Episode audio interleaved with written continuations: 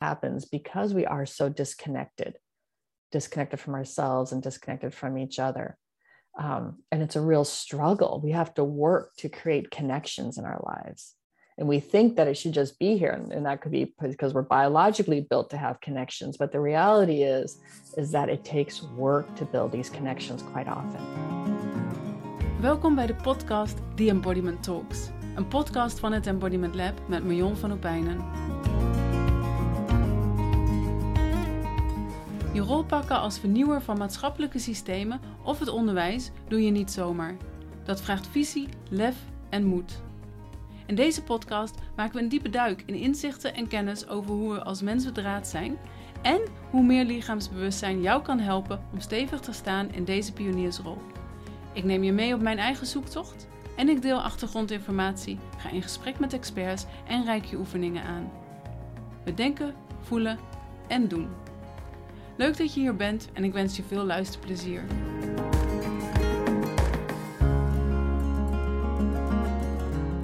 Here we are today. We I think are. we already uh, set this appointment um, several weeks ago, and Mm-hmm. um, so I'm glad that we made it. You are in Vancouver, and I'm in the Netherlands. Mhm. Um, today I'm talking with Prema McKeever, and um, yeah, we we we haven't really met in person, which is interesting. No, we haven't. Yes. No, No. we haven't. Um, but we've you're a teacher at a program where I was a mentor, the online biodynamic breathwork and trauma release training for Yes. online practitioners. And um, and of course for my own training, I've watched your videos and and I think one of the reasons why I asked you for this interview as well is because you're so profound in in explaining how things work in our body and in our nervous system and um, and I think that's very um, interesting for the listeners of the embodiment talks. Mhm. And Well, I'm, hoping what I have to say can be of, of use to people. oh, I, I don't have a doubt. Yeah.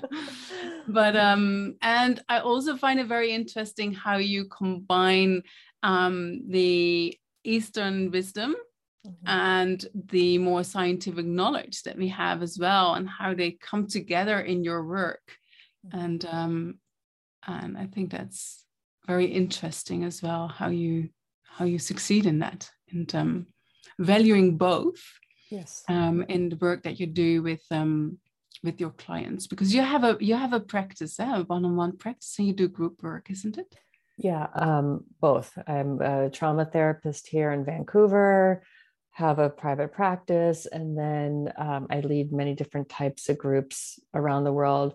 Path of Love, which is a transformational process, biodynamic breath work, and trauma release, um, online groups, weekend groups, all sorts of. I, I love group work. I, I think group work is particularly important for embodiment and for healing. So it, it's really a, a huge passion of mine. and and why is it group work in particular that you mentioned that so Well, if you, most of us, the traumas that we carry in our body were inflicted upon us by other people. And oftentimes they were inflicted upon us by people who were meant to take care of us, who were supposed to be our sources of safety, uh, people we had some sort of connection or, or relationship to quite often. One of the big tragedies of life is when we're hurt by those that we should feel safe with. And what tends to happen from that is our nervous system starts to get patterned in such a way that people are no longer safe. Connecting is no longer safe. Being open and vulnerable with other people is no longer safe. And so, by coming together in groups and doing our healing work in groups, we get to repattern our nervous system so it can start to again trust that being with other people, that people can be safe. We start to learn discernment. Yes, it wasn't safe back then with this person or that person or in this situation. But we then have the opportunity because our nervous system is ever changing and growing and developing and learning. That's the whole basis of neuroplasticity. So, with group work, we come back into a community of people, into an environment of safety, and that starts to shift our nervous system. And it can do it so much faster than one on one individual therapy can do. Okay, because what you actually say is that you have the experience in the group, which is healing in itself, yes. as being in a group that is safe and um, that probably listens to you and um, um, can can nourish you as well. Yeah, that's part of it. But there's also when you do group work, invariably in that process, you also get to learn about other people's hurts and other people's mm-hmm. traumas. And so that takes away some of the layers of shame where you start to realize, okay, it wasn't just me. It's not, it's not that I did something wrong in the past. We actually start to learn and see how so many others have suffered in the way that we have suffered. And that in and of itself is the basis for developing compassion, compassion for other people, mm-hmm. and ultimately compassion for ourselves. Part of the root of compassion is connecting to the suffering of others. And through that, we also start to lessen the shame that trauma is so interlinked with shame. We start to, that grip of shame that wants to say, there's something wrong with you. What happened early in life, the trauma that happened to you is because there is something wrong with you. We start to then melt that grip and realize, no, there actually wasn't something wrong with me. I suffered like so many other people suffered. And it wasn't because there was something wrong with me there was actually something wrong with the person who was meant to protect me, who was meant to be my caretaker, who was meant to hold me in a place of safety. They're the ones that something was wrong with. Okay. And how, if you say, like, okay, that's that happened in the past, you talk about development trauma. Developmental trauma. Yeah. Mm-hmm. Yes. Or it can even be a trauma as an adult yeah. sexual you know obviously mm-hmm. sexual assault happens as children as well as adults i mean there's so many situations that trauma a, a, big part of trauma when it's interpersonal trauma when the trauma happened because another person does shame sometimes happen say with car accidents sure we can blame ourselves for the car accident happened but one of the big hallmarks of interpersonal trauma when somebody else did something that violated our boundaries a big part of that is also shame comes in Mm-hmm. And shame by the um, victim. The feeling that I must have done yeah. something wrong. Yeah. And I, therefore, this happened to me. Yes, that's a part of it. I mean, I, there can be, it can look in different ways. I either did something wrong and therefore this happened to me, or I should have been able to protect myself and I didn't. I should have been able to do this. I should have been able to do this. I should have been able to do it. Mm-hmm. I mean, mm-hmm. there's all these ways that we start to put the blame for what happened onto us. And that's taking on the, this cloak of shame. In group work, when we come together and our nervous system starts to do what it does, which is called neuroception, our nervous system is always with below the level really of our conscious awareness. Our, our, our neuroception is always feeling into our outer environment as well as our inner environment, trying to sense, am I safe right now? What's happening inside my body? Does everything feel safe inside my body? Heart rate's not going too fast. Okay, that's good. Um, stomach is not hurting. Digestion seems to be moving through. Okay, no problems there. You know, n- neuroception is both the internal assessment of how's it going inside of here, as well as the external, what is happening in my environment not just is there a car coming at me, but what is the quality of the relationships around me? What is the communication like? What is the what is happening between the people around me? Is this is this safe? Is this feeling okay? Does it seem like anybody's a threat to anybody else or a threat to me? Is something about to happen? This is all neuroception. And our, our nervous system is tuned to be doing this constantly below the level of our conscious awareness. And so when we've experienced trauma in our life, when our nervous system is, is, is shaped or impacted or under the influence of traumatic stress or multiple traumatic events in life, it gets shaped then to instead of being able to accurately assess often, are, is something safe or is something dangerous? Our nervous system gets highly tuned to sensing any possible danger. And it may not recognize cues of safety. And it may be highly tuned to expecting and looking out for and um, imagining, not, not imagining is not quite the right, right word, but having a high expectation of danger and that things aren't safe. And therefore, I'm never safe. I can't be safe, particularly if I'm around other people, I'm not safe. Group work, in many ways, is an antidote to that. if it's done well, if it's held well. In group work, there if there is safety and holding and connection and the right kind of support and a chance to then process and be seen and see other people, be witnessed and witness other people. That starts the process of reshaping our nervous system and becoming more attuned to cues of safety, not just cues of danger. Does that make sense?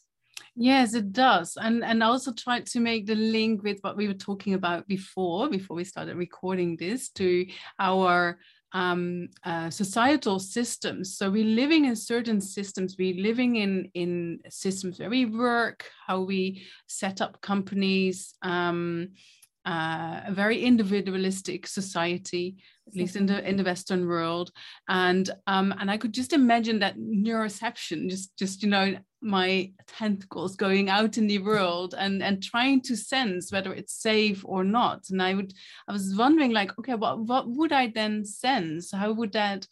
Um, uh, maybe you can say a little bit more on that as well. How those those the way how we've set up that way let's just stick to to how we work for example in very mm-hmm. hierarchical mm-hmm. um, companies where you have to um, uh, have targets that you have to strive for and all these kind of things how, what the effect of that is on our nervous system um, mm-hmm. um, because what you say is we all the time sensing that so we're sensing something in that environment so could you say something about that yeah, I, I, think it absolutely carries over into the work environment.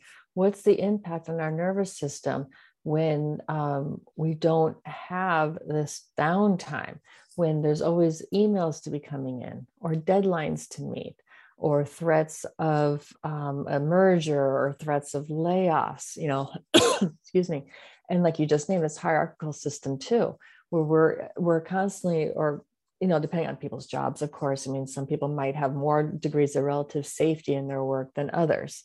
Uh, but overall, if we take this idea of a hierarchical system that is not designed for somebody's um, long term safety, long term sense of security, give them a sense of belonging and being part of a community and being a valued member of a team, but is rather maybe sending other messages of insecurity, demands. Um, you can't really relax. You have to keep performing. There's new stresses, new goals, new levels to achieve. Yes, that, that, that is sending a signal to our nervous system that we really cannot just let ourselves rest and settle and know that we've landed or in a place where we are safe.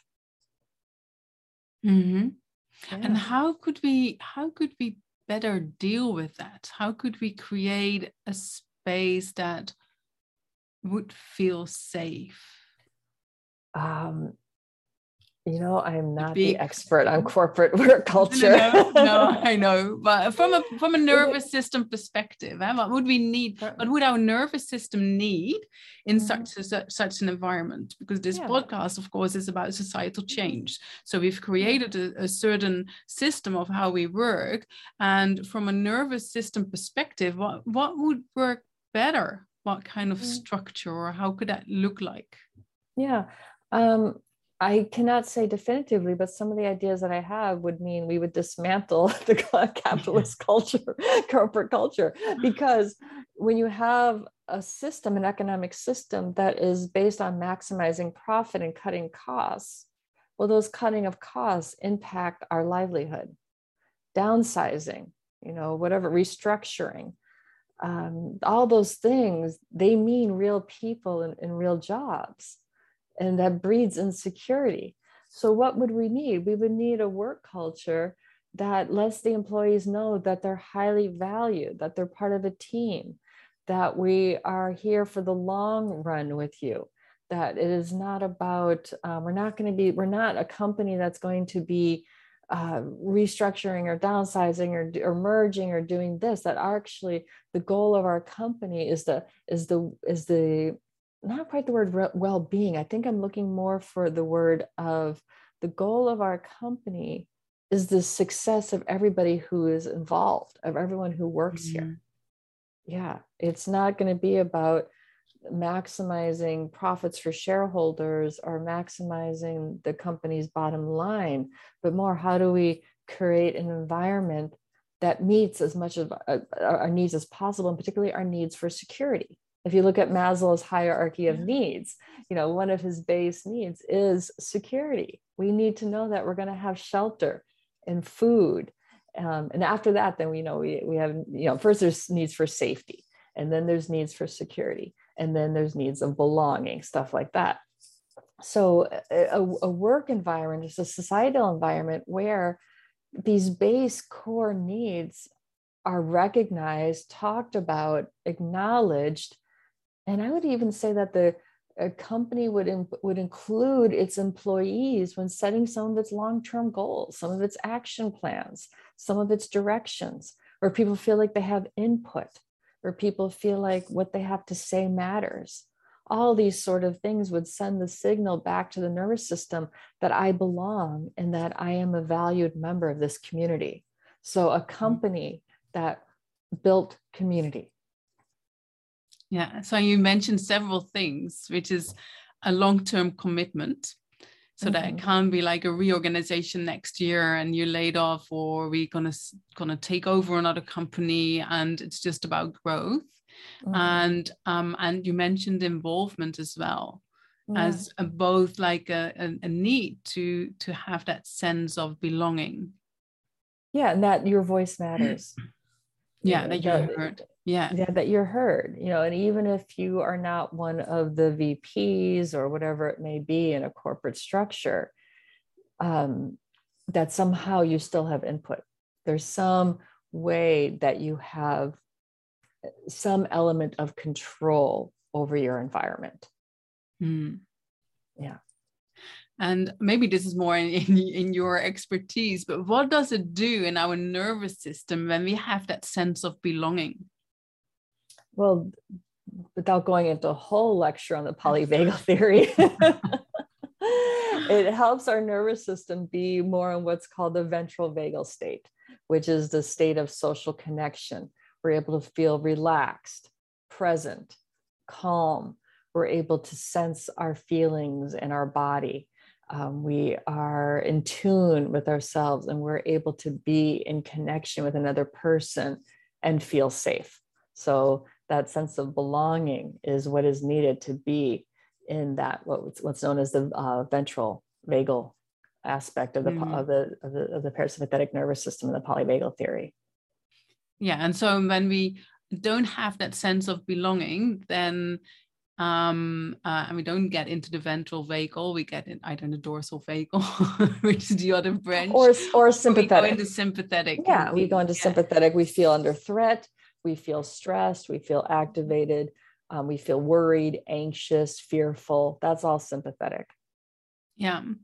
And how how would you say you see that in our current society? Oh, it's a little hard. I mean, society is made up of a lot of individual nervous systems. And so you're asking a nervous system question on something that doesn't really have a nervous system. and, and when we look at it, how is it? What's happening for people in society? Well, some people are doing really good. Some people are really having a very good past couple of years. They've been home, they've slowed down, They've got more connected to what's important to them. Um, they've reorganized their lives. They've left jobs they didn't like. They've started new businesses, whatever it may be. Some people have been doing great these last couple of years. Mm-hmm. Um, other people have been not have not been doing great. Obviously, economic hardship, loss of employment, relationships deteriorating. There's a whole gamut. There's I can't really say what happens mm. on society because individually i mean of all the you know thousands of people i've had contact with over these past couple years in the groups that i lead and and things like that i would say because i've been leading a lot of online groups there's a whole gamut mm.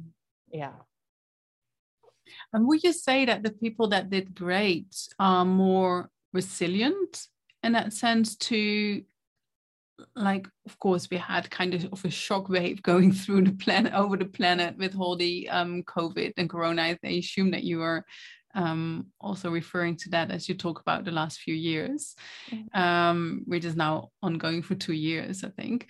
Um, uh, but would that mean that some people are more resilient than other people to cope with these kind of disruptions?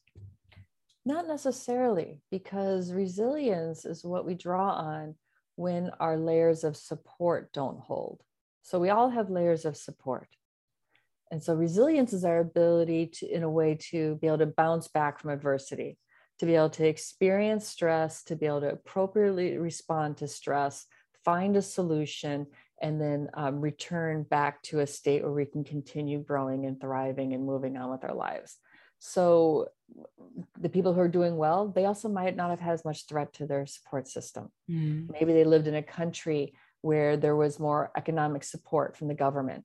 So people didn't have to be so fearful about making their rent or their mortgage. You know, I mean, eh, maybe they were in a place where their jobs actually weren't threatened by the pandemic. Maybe they didn't have kids they had to school at home. You know, there's so many different variables that cause the stress over these last couple of years of getting through this pandemic. I don't think we can make these kind of broad generalizations because everyone had to face a unique factor, a unique combination of what were the stress factors impacting them. And then, yes, if you look at that, what layers of support did people have? Did some people have family nearby they could call on? Did they have community groups they could call on? Did they have a partner in life that supported them? Did they have um, financial savings which cushioned them? What kind of options did they have? What kind of job did they have? Did they have job flexibility or not? Could they work from home? Could they not? Did they have to go and be exposed um, possibly in the public and, and know every day they're running the risk of being exposed to COVID? I mean, there's so many different factors, and this pandemic really heightened, I think, the divide between people, particularly people who have economic resources and people who don't have economic resources. And then at the bottom, after the support has gone through, then we look at resiliency. Okay. And of the people um, that really struggled, you know, was and weren't able to successfully navigate, that were pushed further into poverty, what kind of support was there for them? You know, it's very different to be faced with this challenge when there is an outer societal support and when there isn't an outer societal support or family support. And then yes the, the, the other question is what is the what is the resiliency of our nervous system? And of course our nervous system resiliency one of the things that impacted is the experience of earlier stresses in our life. You know did we have big stresses particularly in the early parts of our life when our nervous system was still developing if so, that's going to impact our nervous system resiliency. It's going to tend to make it lower. It's going to tend to make it that when we're faced with a stressor, our system does is not able to really respond. We don't have that kind of foundation or that base of healthy nervous system regulation that needs to come on board and from the holding environment in the first, you know, three, five, eight years of life. So there's a lot of different factors here we're looking at cultural, societal expectations, the family system, the individual household system, and then the nervous system level. So we're going all the way from this most micro level to this big macro level. So we yeah, can't make these broad, we can't just paint this broad paintbrush. No, and they're all related. They're all they mutually influence each other by um, you know how we how we live how we work how we do our things and uh, the pandemic as well and yeah. and what's the gender whole... role expectations how does gender yeah. play into it mm. what's expected of a woman in this pandemic with children versus a man with children you know how does that impact mm. her performance at work how does that impact the expectations at work you know who is supposed to take care of the the the children and the school and the homework and the, you know all this stuff i mean it, it is there it is so multi-layered. Absolutely. Mm. Yeah. yeah. Interesting. Yeah. And um I, I'm I'm um and and yet I still feel that that support system i'm kind of inquiring into my own question that i'm going to ask you i think but um um because if if I look at we just we just spoke about like okay what would be a healthier way of of organizing a business and of course that could be at any way any level in society we spoke about corporates but that of course also comes to mm-hmm. any system that the tech system the economic system the, the whatever yeah. and um so what i and and if i would relate that to what you said about resilience then in that in that change towards a healthier society or a healthier way of organizing ourselves, it's important to kind of keep those support systems safe and healthy for people because that keeps mm-hmm. people resilient to actually deal with um, with the change. Mm-hmm. Well, support is part of resiliency. Yeah, so there's the resiliency of our nervous system, which is how well can our nervous system manage and bounce back from stressful events? How much can our nervous system experience a stressor of fear, um, whatever it may be, and be able to respond appropriately without going into extreme dysregulation, which could look like a panic attack, an anxiety attack, or a shutdown, which would look something more like going into um, hopelessness, helplessness, extended periods of depression. Yeah. So there's nervous system resiliency. What is the capacity of an individual nervous system to respond to stress in their environment and be able to return to uh, a more function, healthy functioning level, meaning they're able to meet the challenge and continue on their journey in life without being stuck in either this overwhelm, dysregulation, or in the shutdown freeze. Yeah. Mm-hmm. And absolutely support plays a role in that.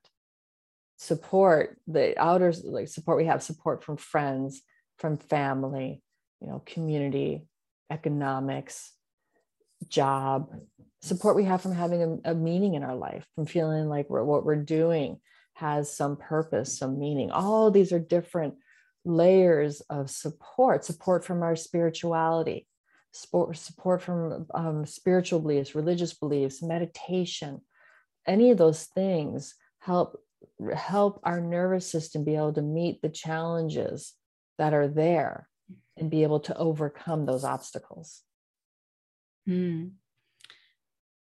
yeah so so what i hear you say is that that support is like key in being able to come to change at any level in your personal lives, but also in our um, family lives, as in our work lives. If there's not that support, we will be um, not be that resilient um, to deal with with it. Yeah, I mean, there um, are people who live pretty isolated lives. Um, who try to manage and take care of everything themselves. And some people do find a way to make that work. But I would say for the most part, human beings are meant to be interdependent. Mm-hmm. We are we are uh, biologically built to be in connection with each other. We're actually not, we tend to not do so well psychologically when we're alone. We also don't tend, you could look at our studies on the nervous system. Loneliness decreases the effectiveness of our nervous, of, of our immune system. Sorry, you can look at our immune system. Loneliness decreases the strength of our immune system. There's all there's all so many physiological functions within our body that don't do well when we're in isolation. So we yes, support meaning that we are meant to be interdependent. We're supposed to be, I believe, giving and receiving with each other on an ongoing daily basis. Mm-hmm. Whether that's with just a, a tight inner circle couple of friends, couple of close family members, or whether that's within larger circles of community and connection. Yes, it's. It, I find it always interesting that we actually kind of lost that somewhere in a mm-hmm. very individualistic society. I mean, we value individualism so much, um, and capitalism is very much based on our individual gains, and um, so somewhere in history we lost it. it well, seems. I think it shrunk. I think it shrunk. I think it shrunk from, say, a, a, a small tribe, well, a small tribe into a more of an extended family, then from the extended family more into the nuclear family. and now the, the the individualism is usually just like your partner and your kids and then you know you talk to your parents once or twice a month you know whatever mm-hmm. I, I think it's been shrinking and shrinking um yeah and I, and I think that it, that is when we when we got disconnected from the land we no longer were more farmers hunters gatherers. We started congregating more in cities. We were still more connected to extended family in some extent and many cultures are. I mean i don't want to give this idea that um, we're i don't want to ignore that many cultures in the world mm-hmm. still do live within an extended family system.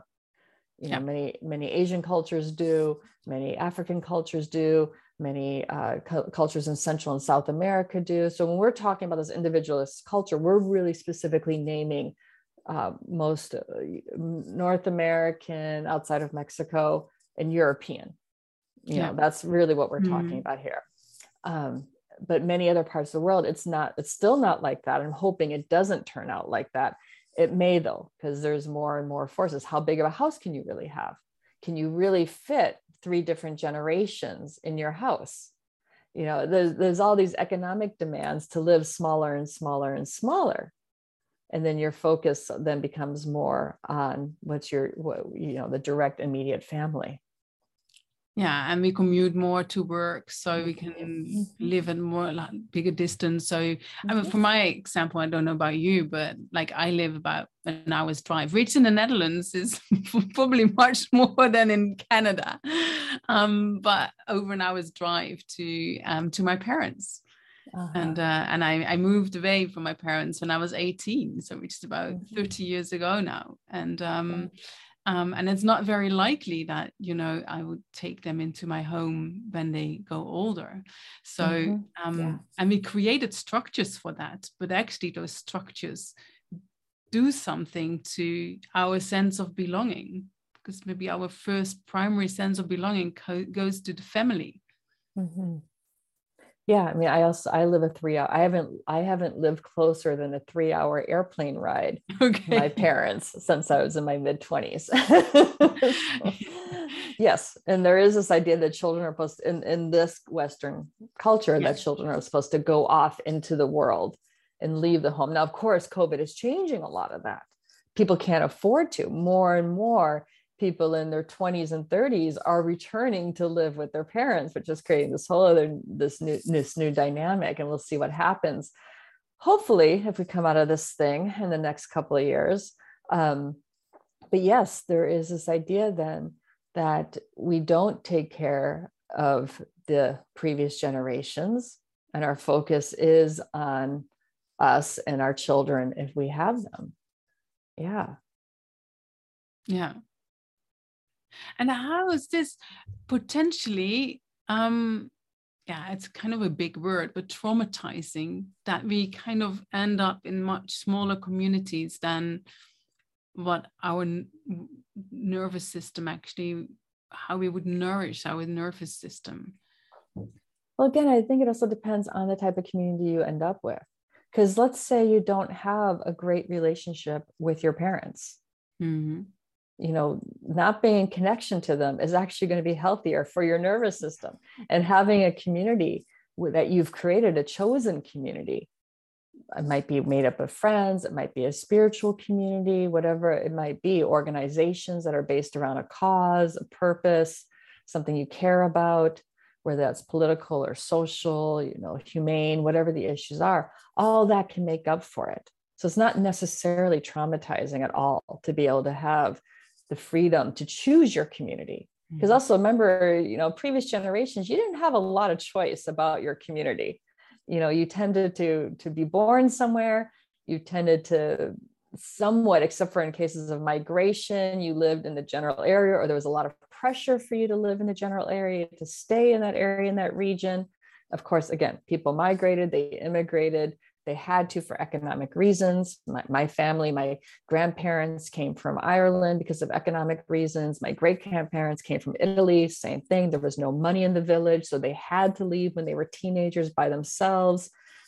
Things have not been great on a community level for several generations. We have been faced with this need to move away from community for our very survival whether that was because there isn't there wasn't the land available there wasn't the opportunities available whatever it may be.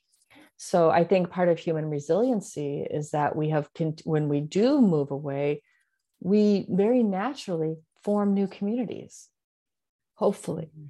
you know and part of the loneliness factor i think out there is when we struggle to form new communities and that gets harder and harder of course as we age. But people still do find that joining, like I said, different organizations, groups, things like that. They start to slowly, it takes time to build community.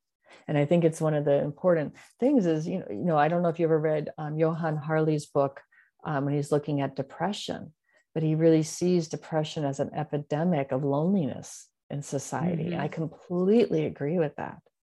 You know, this, this loneliness this, that happens because we are so disconnected, disconnected from ourselves and disconnected from each other um, and it's a real struggle we have to work to create connections in our lives and we think that it should just be here and, and, that could be because we're biologically built to have connections but the reality is is that it takes work to build these connections quite often and why is there such a large number of people that do not succeed with that which is a growing number of people mm-hmm. as in, in the western yeah. world mm-hmm. um, of depression and loneliness and um, so mm-hmm. although we are hardwired to create those communities and i like what you say and like okay we we we kind of can choose our own communities now nowadays which we couldn't before mm-hmm. um, but apparently not so many or not so many but many people do not succeed and that's a growing number so how yeah. come that it has become so difficult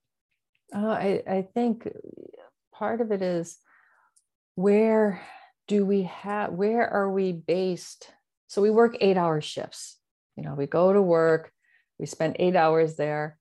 The people we work with we may or may, may not form connections with. Quite often we might not even work with other people. We might be working in just or, or in a small team the team might have people of many different ages and maybe we have something in common with them maybe we don't you know maybe they have children and so as soon as work is done they're out of there. There isn't that place for connection.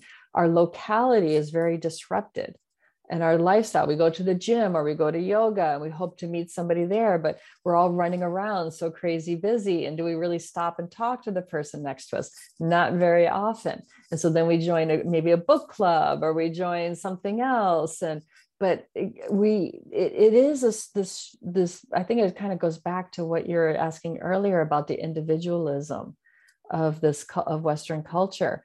Um, people are somewhat lives and sorry you were breaking we, for a moment. Oh. You said you were it was going back to the individualism in the question and then you broke Oh, okay. So, yeah, going back to the individualism that we were talking about a little bit earlier, we tend to be focused on our immediate families, our immediate social circles. And it gets harder and harder as we get older to let other people in or find those other connections. Um, and oftentimes, there's just isn't the energy in our day. It takes work to go out and form these new relationships and form these new connections. And so it's much easier when you have that, of course, from growing up in a particular community with shared ideas and values, and you know each other. And, and then we're getting displaced from that, and we're moving to all these new places. And yeah, there's so many different reasons why we struggle to find connection in our lives, to find meaning in our lives. It's not even really talked about. It's not something that people um, think of. It's like more of making money and and paying the rent and secu- make, making ourselves feel secure and having that base. Yeah. Mm-hmm. And it's mm-hmm. quite sad. I mean, I think that's why you see that we see such an epidemic around um, like you said, depression, anxiety, where do I belong? What's my purpose? What's my meaning? Why am I here? What is what am I supposed to do? We're having, I think, right now a real crisis of who am I? What is what is my life really about? You know, we no longer have the systems in place where we were born more or less into a role and into a set of expectations and and into a community that held us in that position and we move through life and we you know got married, we had kids, the next generation, da da da da. Now we have so many choices. I mean, I don't, I don't know if you have kids or not. I never had kids. No, um, neither have I. Yeah, and so here we are. We're one of most of the women that I know never had kids. Mm-hmm. And we are one of the first generations, I believe, of women in the Western world that has been faced with this many choices and this many options. What type of career do I want? Do I want to get married? Do I not want to get married? Do I want to have children? Do I not want to have children? I mean, we are navigating a whole new world. And we're really breaking ground with this. And it's it's been a it's it's a struggle. Mm-hmm. Yeah. Yeah. And it's probably also um breaking with expectations. Mm-hmm. Like yeah. in previous generations, you would have children yeah um there wouldn't even be a question where now we have a have a choice and of course you still need to be lucky that it it, it mm-hmm. you know it happens but um um we also yeah perceive it as having a choice of having children or not mm-hmm. um uh yeah and I, I, also think actually that the women that do have children also end up with many choices and and maybe even have more responsibility because they also have to raise kids and how oh, do you do that and children care and um, um undoubtedly um, yeah. my but hat is off to all the women who have yeah. children but then they don't have to deal with the issue of breaking with a certain tradition Mm-hmm. um whether it's a choice or or it, it, just happened but any woman who doesn't have children um, broke with a certain tradition as well. Yeah, certain roles and um, expectations. Yeah, and, yeah, mm-hmm. yeah. What I also what you said, which I thought was interesting, um, a little bit earlier when we spoke about that um, loneliness and um, um, so many people with that, that experience loneliness and depressions, and at one point you said, yeah, yeah, you have to work to build relationships mm-hmm. and so it takes a kind of an effort and in a very consumption oriented society where we go to a yes. shop and we buy something and we earn enough to be able to buy that um, life seems to be very makeable with little effort mm-hmm. um, so and now I'm just philosophizing a little bit, uh-huh. but uh, I can see there a link as well in in like okay, having to work for something, and maybe we've kind of unlearned that as well. That you know it doesn't just come by itself, and we need to put effort in it. Mm-hmm. Um, uh, and and yeah, it's, it's maybe the same with that. There's so many singles, um, that we put so much um uh yeah what we all want to find in a relationship which you know you can can wonder but can we find that all in one relationship you know yeah. we're all looking for the sheep with the five legs and it's the yeah. same with the people that we meet and and can we accept that not everybody is perfect in those relations and um, that um, we may need several relations to meet all our our desires and longings and um, and mm-hmm. the ones that we can't fulfill ourselves yeah yeah there's i think there is this um, i don't know if it goes back to disrupted attachment we didn't get we didn't get into attachment in this talk and i don't think we will. But if you look at our first models of relationship our early life experiences those first three years of life we're supposed to form a healthy attachment to our adult caretakers. And that healthy attachment to our caretakers then gives us a sense of security and safety to be able to go out into the world, experience our individuality, and form other healthy connections going forward.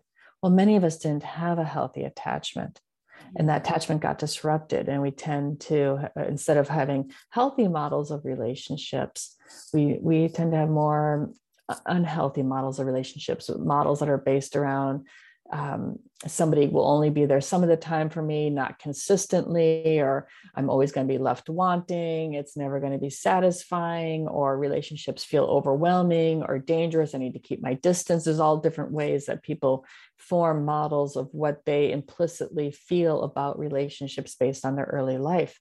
And then when we didn't have that, that healthy attachment with our caretakers, I believe we also take that then model out into the world and we start looking for other people to try to attach to and kind of fix that hole within us. But we're adults. You know, a, a child is meant to really attach, you know, like really hold on and grip and, and not let go. But that's not what we, that's not a healthy adult relationship but we don't carry within us that internal sense of that secure holding, that safe environment, that sense of I'm okayness within our myself. And so therefore I go out into the world and I'm looking for other adult relationships to try and give me that. And that puts us in the whole other cycles, whether that's friendships or intimate relationships, whatever it may be, it doesn't work. And so we, I think we also have a crisis as adults of how do we actually form connection to people, healthy connections. That's why I think it's great. Johann Hari's book is called Lost Connections.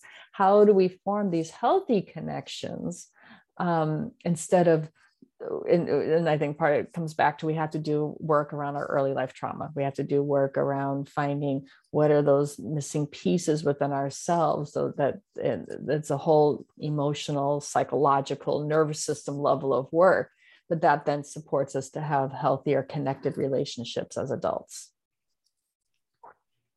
yeah and that is the one-to-one relationships but also how can we build structures that are healthy if we don't know what mm-hmm. we actually need or if we can't really relate to others but also yeah. to the structures that we create because if we, if we haven't learned to connect mm-hmm. um, then how can we build something that nourishes that connection mm-hmm. and i think people are trying i mean i think yeah. I, you look at the intentional communities that pop up all around the world yeah. they're trying new models how do we build this um, and I, I i suspect i don't really know. I suspect i'm hoping i'm hopeful i should say that over these next 10 20 years people are going to come out of covid and really be looking at these questions okay what type of community do i want to live in? You know what this has brought home for people what do i really value in life? What feels meaningful to me? How do i want to live? And we're seeing also with older adults um, that you know either don't have who know their kids they're not going to move into their kids homes mm-hmm. um, who know that they don't have that option and don't want to move into a nursing home a care home they're starting to come together in communities and start to arrange for okay how can we build a community together that will meet our needs as we age without us having to go into this nursing home mm-hmm. situation you know whatever it may be so people i think are very creative and and are saying okay the old systems don't work what do i want to build or what can i build moving forward? Now it's a relatively small percentage of the population right now that's doing it. You need to have money to do something like that. You need to have certain resources. But hopefully that will continue to spread as time goes on and involve more and more of the population. Yeah, which is interesting. I'm involved in a community and we're looking for a piece of land where we ah. can can build a community. But we also find that by doing that, it's not just about how do we relate and connect to each other, but how do we also, um, because you already said you need money to be able to do that, but mm-hmm. how do we create homes or houses that are um, accessible for yeah. younger generations as well so that if we age the we can have new people coming in um, and still afford the houses so it's not just about our pro yeah the, the connections that we make together but mm-hmm. also about well how do we create ownership over the property um um so there there's so many questions and that's why it's such a systematic approach to mm-hmm. to change because there's so many questions that need to be answered to create those communities mm-hmm. um, but it starts with the intention of wanting to live in a different way yes. um, that kind of serves the different generations. Yes. And um, uh, yeah which is an interesting um, and it's it's a way of healing maybe as well where we spoke about mm-hmm. we've lost kind of making those connections. So it's a way of healing that loss in those communities. Yes and that we choose ourselves. Exactly yeah yeah the society at large does not provide for that right now for the most part for most people and so then the, the that's a real awakening into what what can we do on a smaller scale that feels more in tune to who we are as people and how we want to live. I think that's it's so inspiring to me. Yeah. Yeah. yeah. yeah. Yeah, so to me as well. And I'm really curious where we are going to end up as a community. Yes. As a property in the Netherlands is very scarce. But uh, oh. yeah. Um but I think that also it's, it's nice to talk about because then it's probably coming to an end as well because that kind of brings everything together that we spoke about um, in, in in those communities, which which brings together the larger in in, in and the smaller like the, the individual and the um, more community um, aspect um, creating like long-term commitment that we spoke about um, the safety sustainability sustainability yeah mm-hmm. the, yep. the, the, belonging to like the community which needs like a long-term commitment as well so mm-hmm. it's it's in many ways it's a great experiment for our nervous system to see how we can actually live in communities absolutely it's a new it's a new model that people are working with and it, it's it feels just as you're telling me describing it to me i notice that my nervous system feels so relaxed. Mm-hmm. something in my body says yes it just feels right. So i yeah best of luck with, I, I, think it's so exciting inspiring and, and you and like you said there's many lessons that can be pulled for it pulled from it that we can apply in different areas of our life. Okay, maybe we can't join an intentional community right now, but what is it that I can find in my community where I live? What can I find mm. that interests me, that gives me a sense of connection to other people, that gives me a sense of belonging, that gives me a sense of being connected to something bigger than myself? Hmm. Yeah. yeah. Hmm. Great. Is there anything that you still want to say that we haven't touched upon and you think like it's important to say?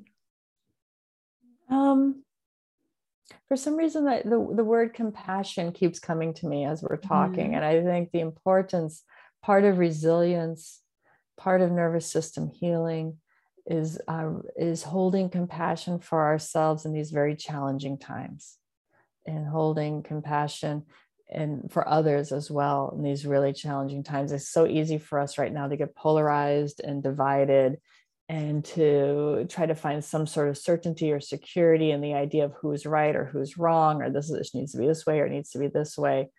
And compassion allows us to hold with some heartful energy all of it, to recognize the suffering that's in all of it, to recognize the good intention that's in all of it, um, to recognize that humans are infallible creatures, that we make mistakes, we stumble, we fall, and this includes ourselves. We're allowed to make mm-hmm. mistakes and stumble and fall. And we get to keep standing up and moving forward and trying again and trying again and trying again. So, yeah, as we're talking about what are the societal and cultural influences on resilience, um, and how this affects us in our daily living. Knowing that even if we don't have right now what we want, and we've tried things in the past that haven't worked, to have the compassion for ourselves and others to be willing to try again, to try different ways, to um, hold ourselves without judgment, and to know that there are other people out there as well that want the same things that we want, that we're not alone in this. Mm. Yeah. Yeah, and that also comes probably with not being judgmental to whatever is being created like also the the capitalist system and the, mm-hmm. the, the the company structures that we spoke about before and it probably all came to its existence based on good intentions and yeah. and then it had it appeared to have side effects that we may not desire but at the start there weren't bad intentions there was like okay maybe this is better and and you know mm-hmm. things worked out and we kind of um, let it grow and um, uh, yeah so it's also about being compassionate to whatever we created despite the side effects yeah it doesn't mean we don't we, we stop working for change and get making things better yeah, just yeah. as you are with your community yeah yeah yeah, yeah. yeah. Oh, that's beautiful it's yeah. um yeah, thank you, Prema. That was yeah. really interesting. And and it also um because one of the things with my podcast is that I try to bring those two worlds together. And uh-huh. um and I think we succeeded. And it also shown how difficult it actually is. Mm-hmm. And yeah. um uh yeah, but but I think there was some really interesting, um, yeah, for perspectives on on what we need as humans and um, and how we live and what that does that does to us um, and to our nervous system, like how we are hardwired, which always gives our primary reactions to whatever is going on. Um, yeah. Yeah. Thank you so, so much. Yeah, I really enjoyed our talk. Thank you. Yeah. Thanks.